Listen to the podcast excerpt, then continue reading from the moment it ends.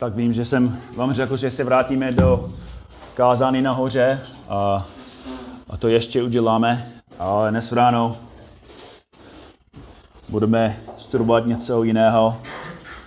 Tak nelistujte prosím svou Bibli do knihy Ruth.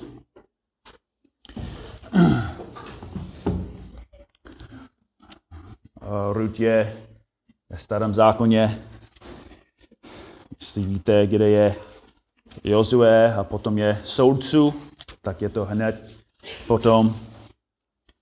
Jestli si v řámek, tak už si šel příliš dál, tak trošku zpátky. A budeme mít nějakou krátký, krátkou sérii v té knize. Tak Ruth. A dnes ráno budu číst první, první kapitolu.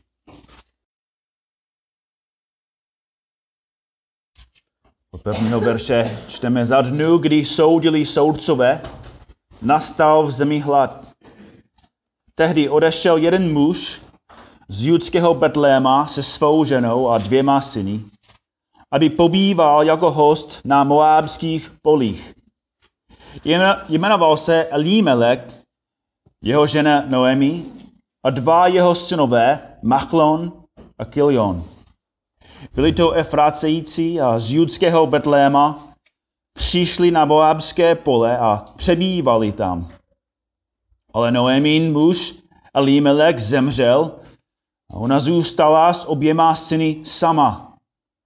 Tí se oženili s Moábkami, jedna se jmenovala Orpa, druhá Ruth. Sídli tam asi deset let. Oba, Machlon a Kilion, rovněž zemřeli. A tak ta žena zůstala sama, bez dětí i bez muže. Proto se při, přichystala se svými snachami k návratu z moábských polí. Uslyšela totiž na moábských polích, že hospodín se opět přiklonil ke svému lidu a dal mu chleb. Odešla tedy se svými snachami z místa, kde přebývala když se, zvra- když se vraceli do, do judské země, vybídla cestou Noemi obě své snachy. Jdete, vraťte se každá do domu své matky. Nech vám hospodín prokáže milosrdenství, jako jste je vy prokázali zemřelým i mě. Kéž vám hospodín dá, abyste každá našla odpočinutí v domě svého muže a políbila je rozplakali se hlasitě a namítali jí, nikoli vrátíme se s tebou ke tvému lidu. Ale Noemi jim domlouvala, jen se vraťte, mé dcery, proč byste se mnou chodili? Což pak mohu ještě zrodit syny, abyste stali vašimi muži? Vraťte se, mé dcery, jdete, vždyť už jsem na vdání stará. I kdybych si řekla, že mám ještě naději a kdybych se hned této noci vdala a porodila syny, čekali byste proto, aby, by, aby, až aby dospěli? Zdráhali byste se proto vdát? Nikoli mé dcery. Můj úděl je pro vás příliš trpký. Dolehla na mě hospodinová ruka. Tu se rozplakali ještě hlasitěji. Orpa políbila svou tchýni na rozloučenou, avšak Ruth se k ní přimkla. Noemi jí řekla, hle, vaš švagrová se vrací, se vrací ke svému lidu a ke svým bohům. Vrať se také, následují svou švagrovou. Ale Ruth jí odvětila, nenaléhej na mě, abych tě opustila a vrátila se od tebe. Kamkoliv půjdeš, půjdu. Kdekoliv zůstaneš, zůstanu. Tvůj lid budou, bude mým lidem a tvůj Bůh mým Bohem. Kde umřeš ty, umřu i já a tam budu pochvána. Ať se se mnou hospodín udělá, co chce. Rozdělí nás od sebe jen smrt. Když Noemi viděla, že Ruth je odhodlána jít s ní, přestal jí přemlouvat. Tak šli obě, až, do došli, až došli do Betléma. Když přišli do Betléma, Schluklo se kolem nich celé město. Ženy se ptali, je toto Noemi? Odvětila jim, nenazývejte mě Noemi, to je rozkošná.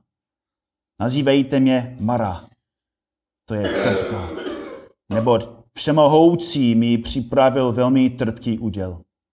Odcházela jsem s plnou náručí, ale hospodín mě přivádí zpět s prázdnou. Jak byste mě mohli nazývat Noemi, když je hospodín proti mě a když mi všemohoucí určil zlý úděl? Tak se Noemi, Noemi vrátila se s ní, se navrátila z moabských polí.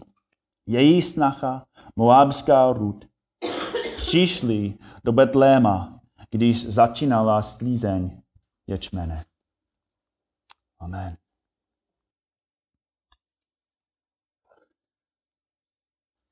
Asi skoro každý zná tu knihu.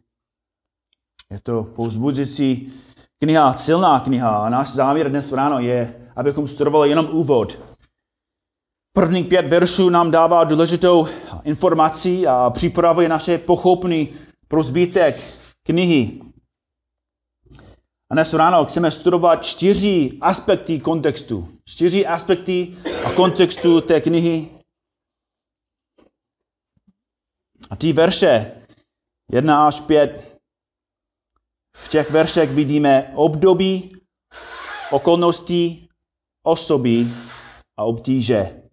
Období, okolnosti, osoby a obtíže. Tak pojďme se podívat na období. Verš 1 říká, kdy se odehrávaly ty věci.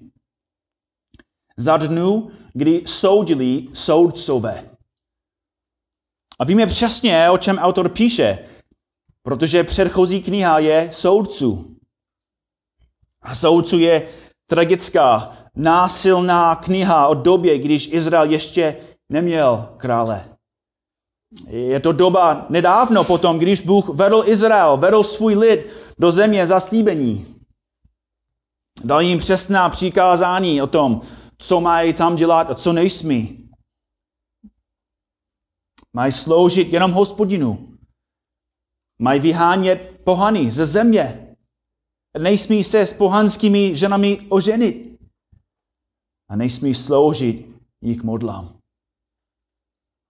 Ale soudců v druhé kapitole od sedmého verše čteme, lid sloužil hospodinu po všechny Jozuovi dny a všechny dny starších, kteří Jozue přežili a kteří spatřili celé to velké hospodinovo dílo, jež vykonal pro Izrael. Jozue, syn Nunův, otrok hospodinův, zemřel. A od 11. verše čteme, a synové Izraeli páchali to, co je zlé v hospodinových očích a sloužili bálům. Opustili hospodina, boha svých otců, který je vyvedl z egyptské země a chodili za jinými bohy z bohu těch národů, které byly okolo nich, kláněli se jim a provokovali hospodina ke hněvu. Opustili hospodina a sloužili Bálovi a Aštoretě. Tehdy spanul, span, vzplanul proti hos, Izraeli hospodinův hněv. A on je vydal do ruky pusto, pustošetilů, kteří je plenili. Vydal je do ruky jejich okolným nepřátelům a nemohli už před svými nepřáteli obstát. Všude, kam vytáhli, byla hospodinová ruka proti ním ke zlému, jak to hospodín prohlásil a jak jim to hospodín odpřisáhl. Bylo jim velmi úzko. Hospodín tedy dával povstat soudcům a ti je zachráňovali z ruky jejich pustoš, pustošitelů.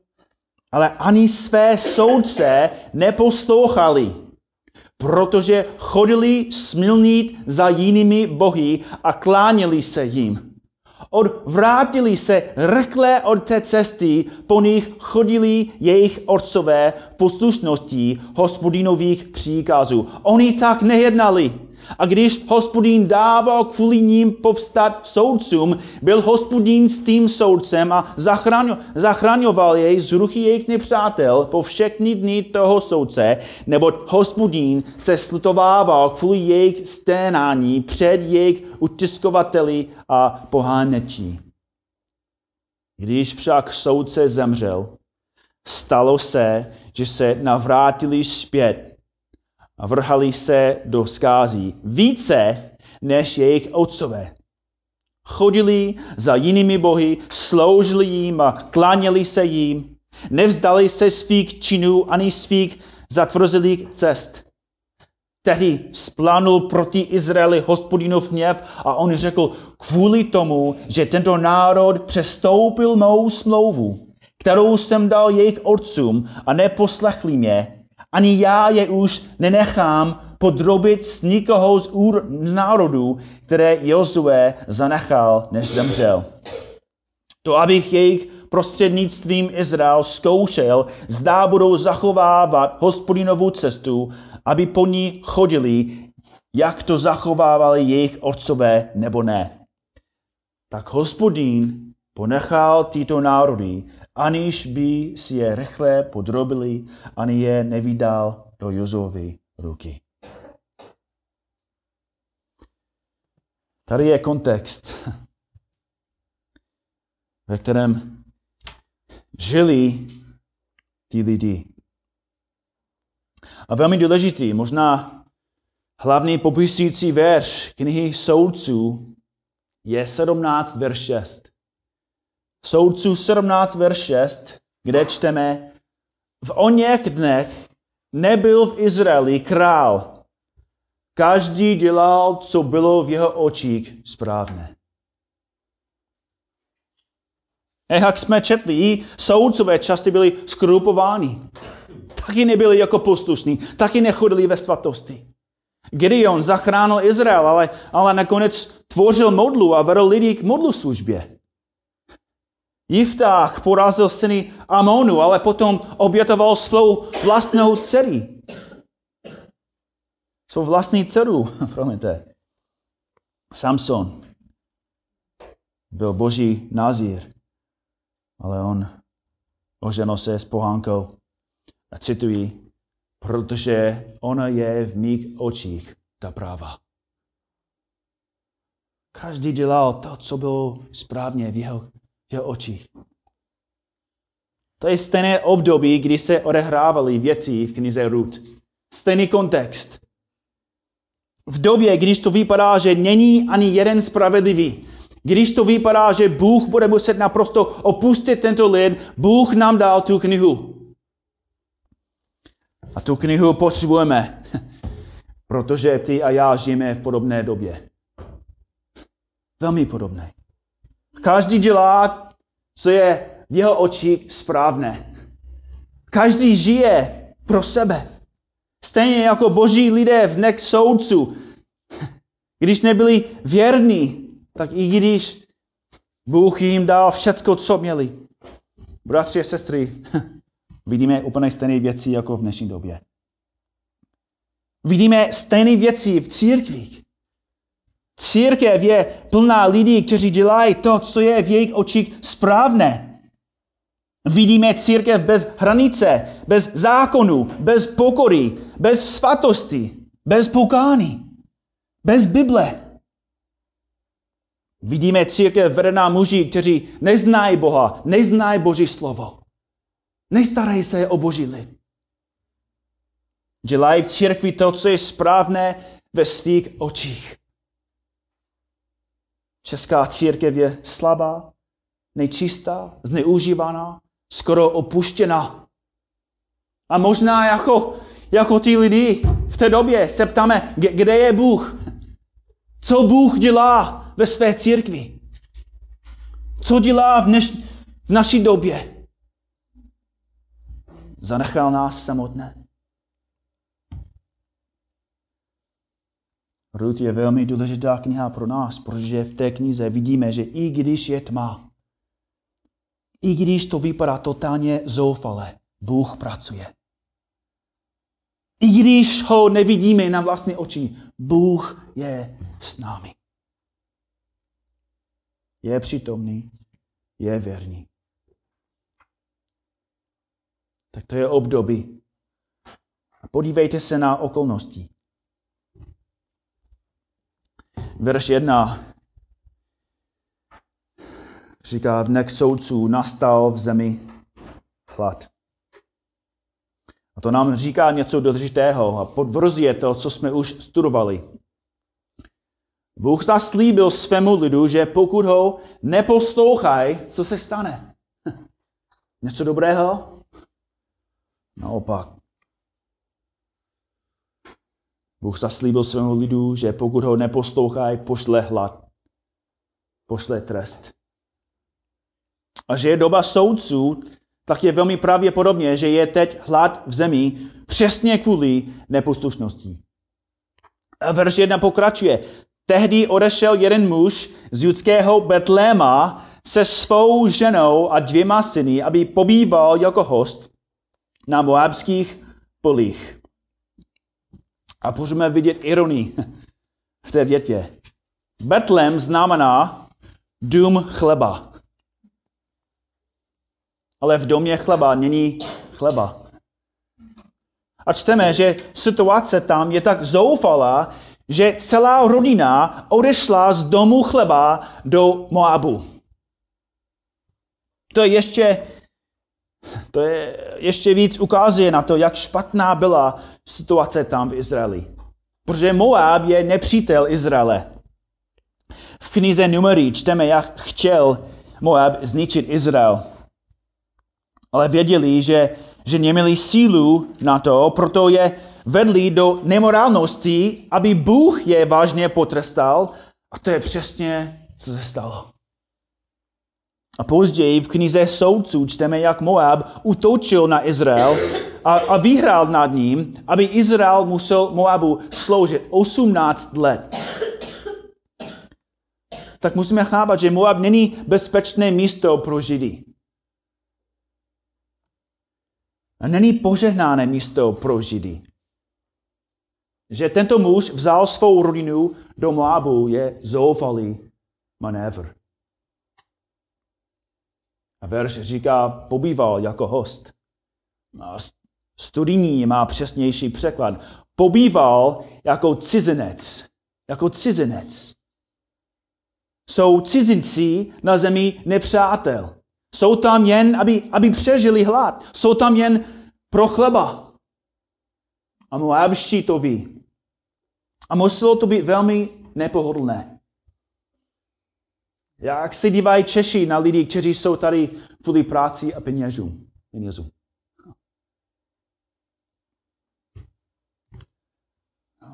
A to jsou nepřátelé Moaba v Moabu.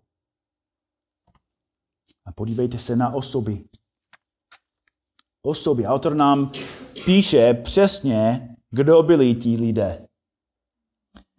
Jmenoval se Elimelech, jeho žena Noemi a dva jeho synové, Machlon a Kilion. Jak víte, izraelská jména vždycky měla významy. Elimelech, krásné jméno, znamená Bůh je můj král. Velmi zajímavé jméno v době, když Izrael krále neměl. Snad ukazuje na zbožnost jeho rodičů. Že oni sloužili hospodinu. Nebo snad ukazuje na ironii, že, že muž s jménem Elimelech, Bůh je můj král, neposlouchal svého krále a vedl svou rodinu do Moabu. To přesně nevíme. A co no, Noemi? Jsme už to viděli. Význam, její jméno. Její jména. V první kapitole. Noemi znamená rozkošná, což je další ironie. Machlon snad znamená něco jako nemocný, přesně nevíme. A Chilion snad křeký nebo slabý. Pokud ta jména ukazují na ty děti, tak asi nebyli zdraví, když se narodili, nebo Snad jsou nezdraví kvůli hladomoru, nebo snad jejich jména ukazují na situaci v té zemi, jak Izrael je slabý a křeký kvůli hříku, kvůli hladu. Ale autor píše dál, byli to Efratejci z judského Betléma a přišli na Moábská pole a přebývali tam. Bratři a sestry, musíme chápat, že asi bychom udělali úplně stejně. Kdybychom byli jako v její situaci. Tam šli, aby zachránili své životy. Oni hledali jídlo. Hledají úlevu z jejich zkoušek. Hledají odlečení. Ale poslední bod toho kázání ukazuje na to, že našli jen obtíže. Obtíže.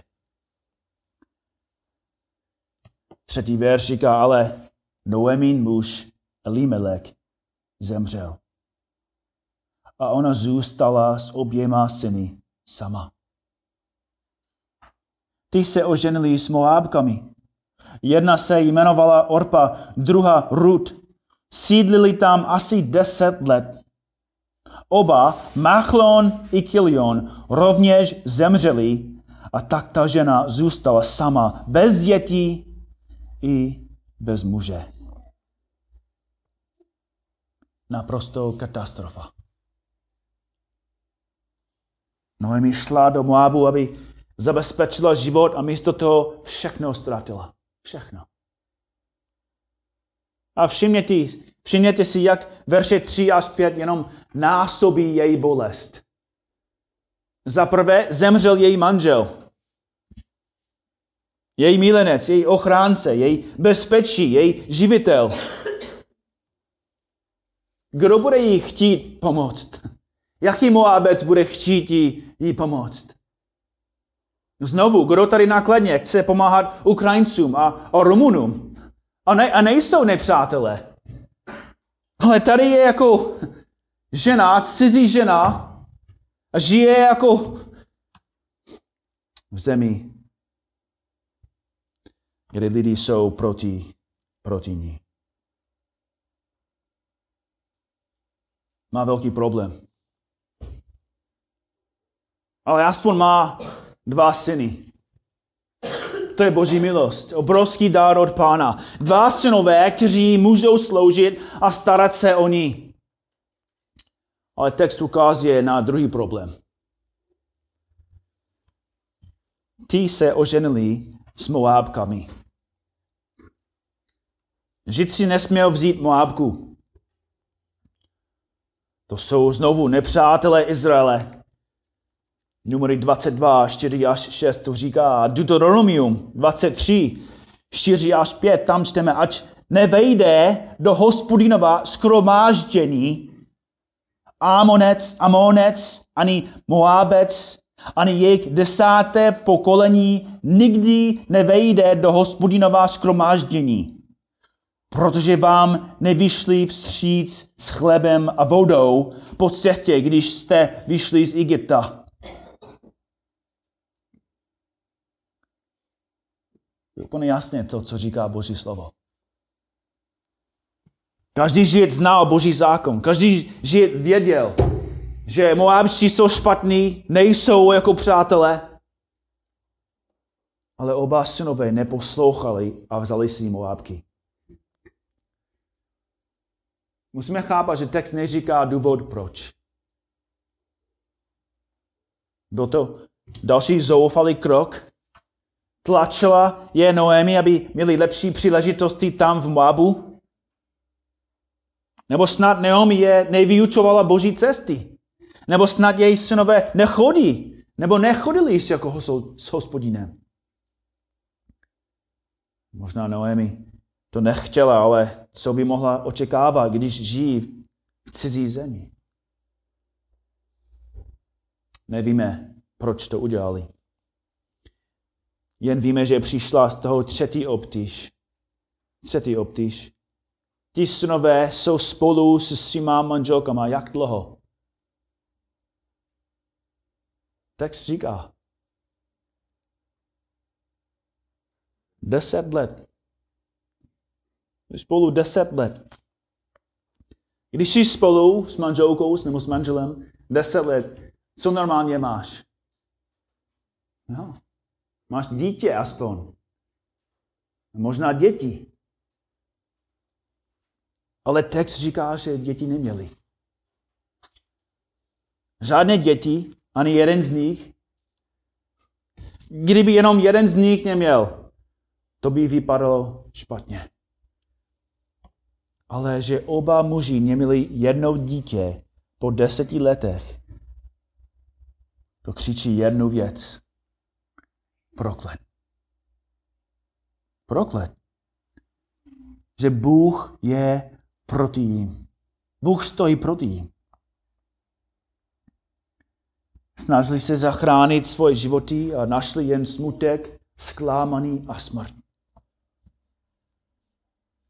To je jako opravdu nejhorší případ. Nic nemá. Má jenom dva syny, oni mají pohanské ženy, ani jeden z nich má, nemá dítě. Jediná věc, která by mohla zhoršit tu situaci, je, kdyby něco se stalo jejím synu. To je přesně, co čteme. Oba Machlon a Klion rovněž zemřeli. A tak ta žena zůstala sama bez dětí i bez muže. Nemusíš být vědec, abys věděl, že Bůh stojí proti té rodině. Hravěji utekli ze země zaslíbený. Manžel, který se jmenuje Bůh je můj král, zemřel snad přesně kvůli tomu, že krále nenásledoval. A potom její dva synové si vzali pohánky a potom oba syny zemřeli bez potomku.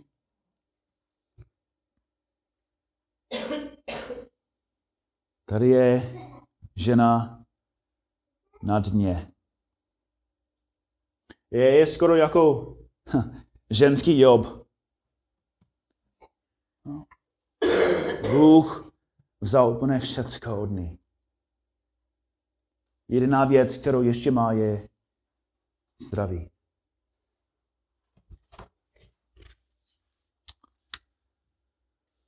A možná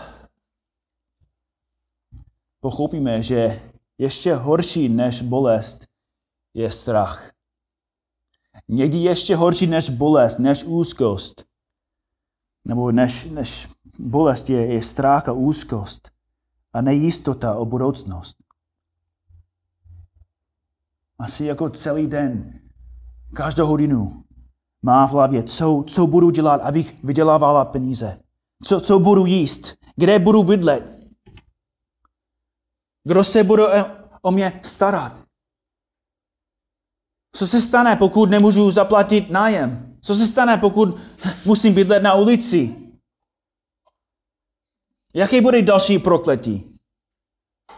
Kdy přestane, jí, kdy přestane mi Bůh pronástrovat? Kdy skončí můj trest?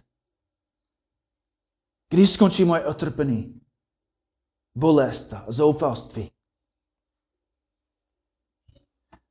Vidíme žen, ženu, která nemůže skončit její noční můru. Nemůže přestat myslet o budoucnosti. A čím víc o tom přemýšlí, tím víc Noemi je plná strachu. To je první část toho příběhu. To, to je víceméně, kde kontext skončí v zoufalství. Ty a já čteme tu celou kapitulu, jako by všechno proběhlo během jednoho dne, ale máme tady deset let. A ani nevíme, jak, jak dlouho je mezi veršem 5 a 6. Ale znovu, to není jako jenom jeden den. Den za den, jako je úplně jako na dně. Bez naděje. Vůbec neví, co má dělat. Ne, vůbec neví, kam má jít. A musíme být realističtí. Musíme chápat, bratři a sestry, že ty a já, my víme, jak skončí ten příběh. Pro nás je to jednoduchý. Můžeme jí říct, Noemi, všecko dopadne v pořádku, bude dobrý. Ale ona to neví. A neslyší naše hlasy.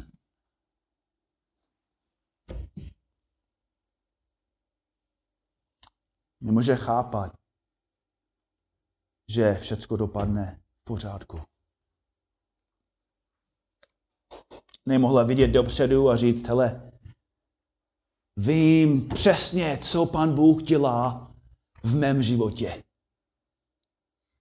Vím přesně, jak skončí můj příběh a všecko bude v pořádku. Bratři a sestry, vůbec neví, vůbec nemá tušený. Možná tomu rozumíš. Možná přišla doba ve tvém životě, kdy jsi hledal nebo hledala pomoc. Hledal jsi pomoc ve, zem, ve změně. Hledal bezpečnost u někoho. Očekával si, že, že to dopadne v pořádku. Doufal si, že, že jsi konečně našel útočiště. A místo toho, abys našel útočiště, si našel jenom kalamitu.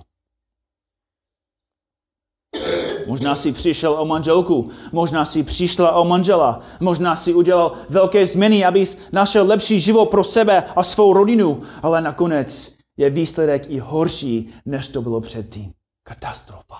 Noční mora. Možná kvůli rozhodnutím v minulosti. Celý život je rozbitý v současnosti. Bratři a sestry, je daleko víc z toho celého příběhu, ale dnes ráno musíme se soustředit na, na první pět veršů. Protože jen z toho se učíme hodně, hodně lekcí.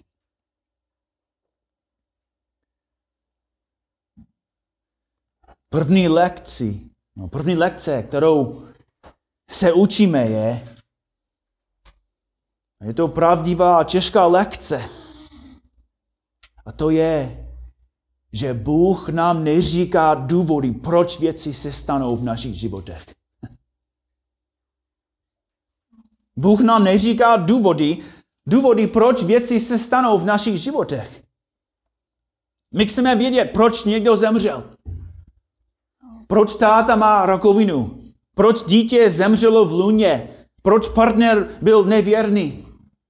Proč jsme přišli o, o práci, peníze nebo partnera? Bratři a sestry, musíme chápat, že Noemi chtěla vědět, proč. Chtěla vědět, proč to se děje v mém životě. Co se, co se děje?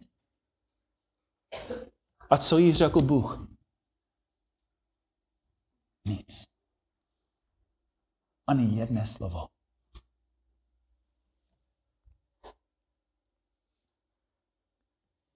Bratři sestry, musíme taky chápat, že Bůh nám neříká proč.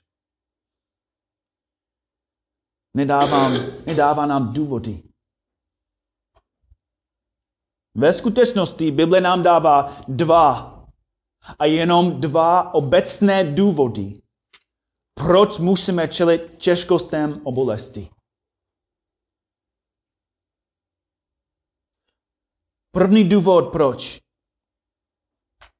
První důvod, proč Bůh dovolí a, a působí bolest a trápení ve životech lidí je, aby je vedl ke spase a pokání.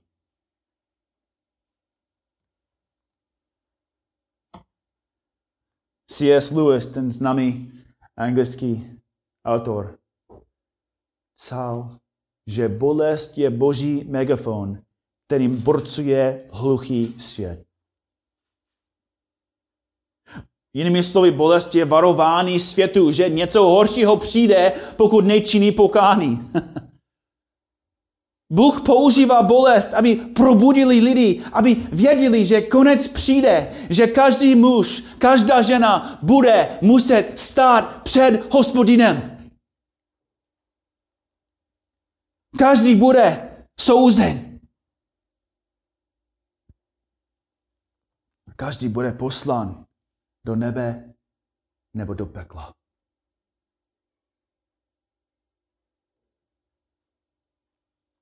Boží slovo popisuje peklo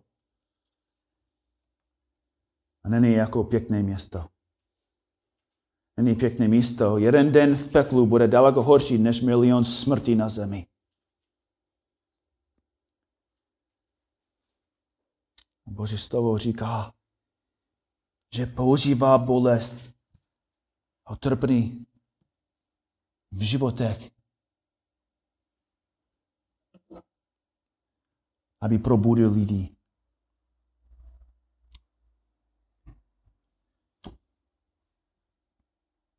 Možná to je, co se děje ve tvém životě. Možná Bůh používá nějakou velmi těžkou situaci, abys pochopil, že tvůj život je těžký kvůli tomu, že nechodíš s Bohem. Bratři a sestry, milí hosty, Bible říká důvod, proč všecko existuje. Vysvětluje důvody, proč máme to, co máme. Boží slovo říká, že všecko, co mám já, všecko, co máš ty, úplně všecko, co máš, je milost od Boha. Ale Boží slovo pokračuje a říká, že úplně každý člověk je vinný z toho, že místo toho, aby používal to, co Bůh mu dává, používá to proti tomu Bohu. Místo, místo toho, aby člověk žil ve vděčnosti, aby byl vděčný za to, co Bůh mu dá, on používá to proti Bohu. A Bůh je naštvaný. Je spravedlivě naštvaný. A Bible říká, že Bůh oplatí každému. Že mu zdou říku je smrt. A možná Bůh používá těžké věci ve tvém životě, abys chápal, že žiješ proti Bohu. Ještě, ještě probíráme zbytek té celé knihy. Je to úžasná kniha. A na konci vidíme, že Bůh dělal ty věci, aby připravil cestu pro spasitele. Musíme chápat, že, že Noemi si zasloužila trest. Nezasloužila si něco dobrého. Nezasloužila si milost. Nezasloužili si jako spasitele, ale Bůh ji dal. Bůh zachránil její život na základě milosti. Jenom milosti. A to je, co Bůh hlásá dneska. Je doba milosti.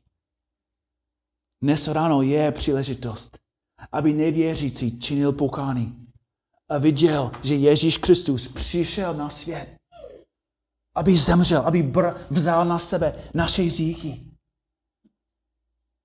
Nejsme tady, protože církev je klub. Nejsme tady, protože lidi jsou pěkní. My jsme tady, protože Pán Ježíš podložil svůj život za nás. Zemřel, čelil Božímu hněvu.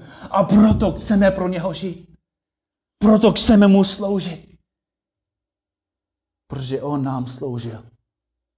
Zemřel za nás. Bůh dovolí i plánuje bolest a trápení v životech lidí aby je vedl ke pokání, aby je vedl k Ježíši. Ale je další důvod. Bůh nejenom posílá těžké věci nevěřícím, ale taky víme, že Bůh posílá zkoušky do životu křesťanům. A to je,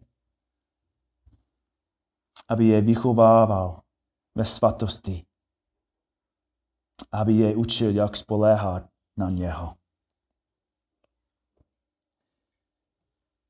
Jsi velmi jako pečlivě v tom, co jak interpretujeme, jak vidíme Elimeleka. Ale já si myslím, že ohledně kontextu, ohledně toho, co se děje v Izraeli, Elimelech právě podobně nevedl svou rodinu do Noábu, Moabu ve víře, ale spíš kvůli strachu. A Machlon a Kilion si nevzali ty ženy podle boží vůle, ale podle své. A Bůh je vážně potrestal.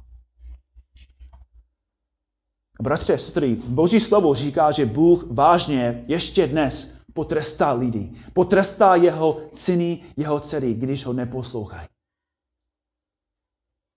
Jako každý dobrý otec, Bůh trestá svoje děti a jako každý moudrý otec úroveň toho trestu často odpovídá na míru toho hříchu.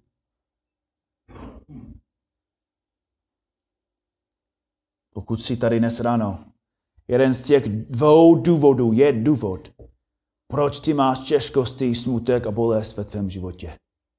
Bůh používá ty věci v našich životech, aby nás trestal, aby nás konformoval do obrazu jeho syna. Ale bratři, sestry, větší důvod nemáš. Větší vysvětlení nedostanete. Větší znalost nebudete mít. Nemůžeme interpretovat to, co se děje v našich životech. Je zbytečný zkoumat každý důvod, proč něco se stalo.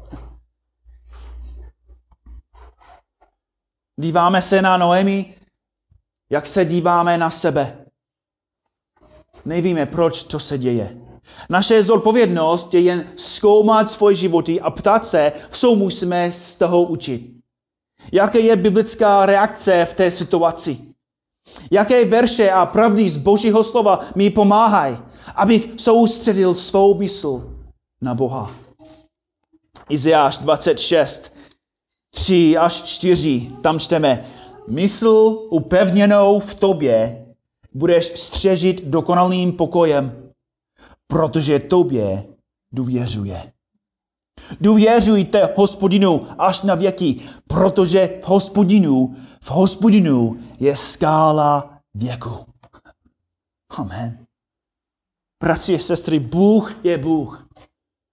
Bůh ví to, co dělá. A proč to dělá. A naše zodpovědnost je, abychom chodili ve víře. A to nás vede k druhé lekci. Bůh je přítomný, i když to vypadá, že není. V našem textu nevidíme jméno Boží. Nemáme komentář od Ducha Svatého, proč Elimelech, Machlon a Kilion zemřeli. A v příštím kázání uvidíme, že Noemi si myslela, že Bůh na ní úplně zapomněl. Že Bůh ji nenávidí. A bratři a sestry, pro křesťana to není, nikdy není pravda. Nikdy. To není vůbec možné. Naopak, Boží slovo říká, že Bůh je s vámi v každém detailu. Ví přesně, co se děje a ví proč. A to stačí. Jako když jsem v letadle. Jak vůbec nemůžu letět. Jako kdybych musel jako vědět, jak funguje všecko v letadle, předtím, než jako bych letěl, bych byl tady jako celý svého života. Nikam bych neletěl. Ale to stačí, že pilot vidí. Pilot ví, pilot ví přesně, co se děje, přesně, co má dělat. On byl trénován, připraven. Je odborník. Bratři, sestry, Bůh je odborník. Je hospodín, ví přesně to, co dělá a ví proč. Ví, jak to skončí. Musíme chápat, že to je důvod, proč teologie je tak důležitá. Teologie, pravda o Bohu, nemůže tlumit fyzickou bolest, ale může tlumit strach.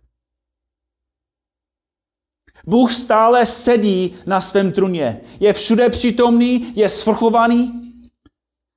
A to je důvod, proč je tak důležité, abyste četli Boží slovo a modlili jste se.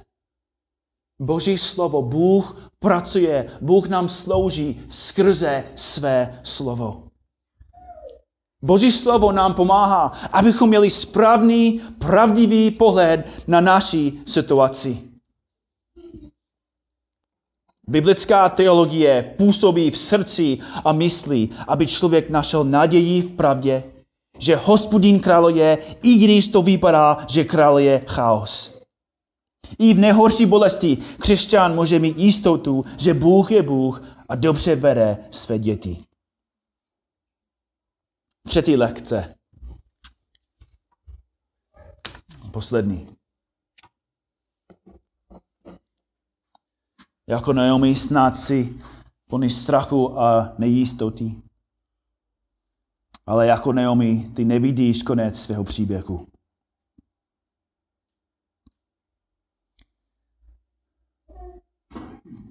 Noé nevěděl, jak to skončí. Abraham nevěděl, jak jeho příběh skončí. Josef je vězený, nevěděl, co se stane. Mojžíš na poušti vůbec neví, co se děje. Noemi nevěděla. A bratři, sestry, ty, aky, ty taky ani nevídě. Nevíte. Ty nevíš, jak skončí tvůj příběh. Ty ani nevíš, co se stane zítra. Nemluvě o příštím roce. Musí nám stačit, že Bůh ví, co se děje, proč to se děje, kam to vede a jak to skončí. Bratři a sestry, Bůh ví, jak to skončí a to stačí. A musíte chápat dnes ráno, že nejsi na konci svého příběhu příběhu. My jsme četli jenom pár veršů, ale to není jako celý příběh. Dnes ráno, v neděli, co to je? 6. října. To není jako konec. I když na cestě domů zemřeš, není to konec. Není. Protože máme celou budoucnost s Bohem.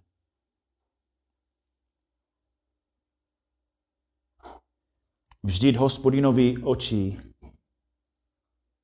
obzírají celou zemi, aby posílil srdce těch, kteří jsou celé s ním.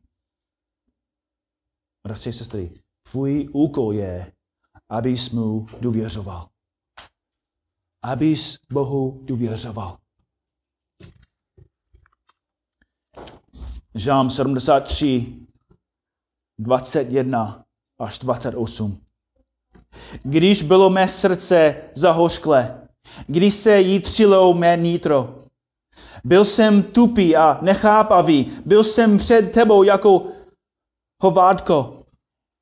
Nicméně jsem stále u tebe, uchopil jsi mě za pravici. Povedeš mě podle svého úradku a pak mě přijmeš do slávy. Koho mám v nebesích? A jsem s tebou, nemám na zemi zalíbení, mé tělo i mé srdce chřádne. Bůh je však na věky skálou mého srdce a mým podílem. Hle, kdo se ti vzdalují, zahynou, zničíš každého, kdo je ti nevěrný. Co se mě týče, boží blízkost je pro mě dobrá. Učinil jsem si utočiště v panovníku hospodinu, abych vyprávěl o celém tvém díle. Váš příběh není ještě u konce. Noemi vůbec nemohla pochopit, že Bůh dělá něco mimořádného z její situace. Že Bůh připravuje cestu pro krále Davida a že skrze Davida připravil cestu pro našeho spasitele Ježíše Krista. Ty nevíš konec tvého příběhu, ale Bůh ví. I přesně to, co dělá dnes ráno ve tvém životě. Vidí přesně to, co chce dělat skrze ty zkoušky a problémy. Hospodin je dobrý, je věrný a ví přesně to, co dělá. Hospodine, děkujeme ti, že ty sedíš na trůně. Chválíme tě, že Satan nevede, Satan nekráluje, Satan není všude přítomný a všemohoucí.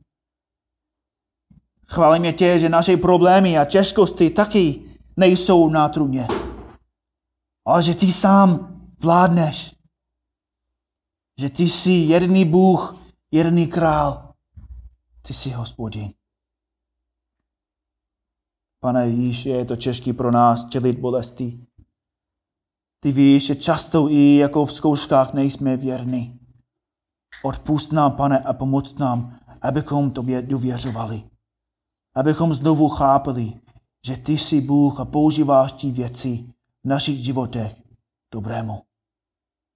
Pane, děkuji ti, že ty, že ty jsi pracoval v životě Noemi a pracuje, pracuješ dneska i v našich životech. Chválíme tě, děkujeme ti. Amen. Amen. Hele, na, na konci uh, chci vám dát nějaký domácí úkol. Jo? Tak Míše začala studovat na univerzitě. Máme zborovou univerzitu. Tady máte domácí úkol. Uh,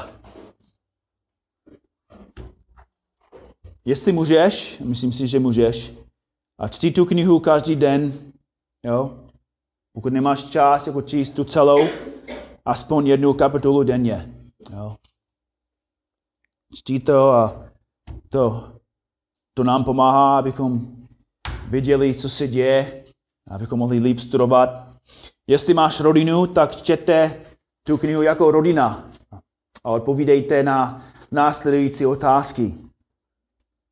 Já vám pošlu ty otázky e-mailem dnes večer, ale tady jsou otázky, můžeme je probírat jako rodiny. Proč je ta kniha v Bibli? Proč je ta kniha v Bibli? Jaký je hlavní cíl té knihy?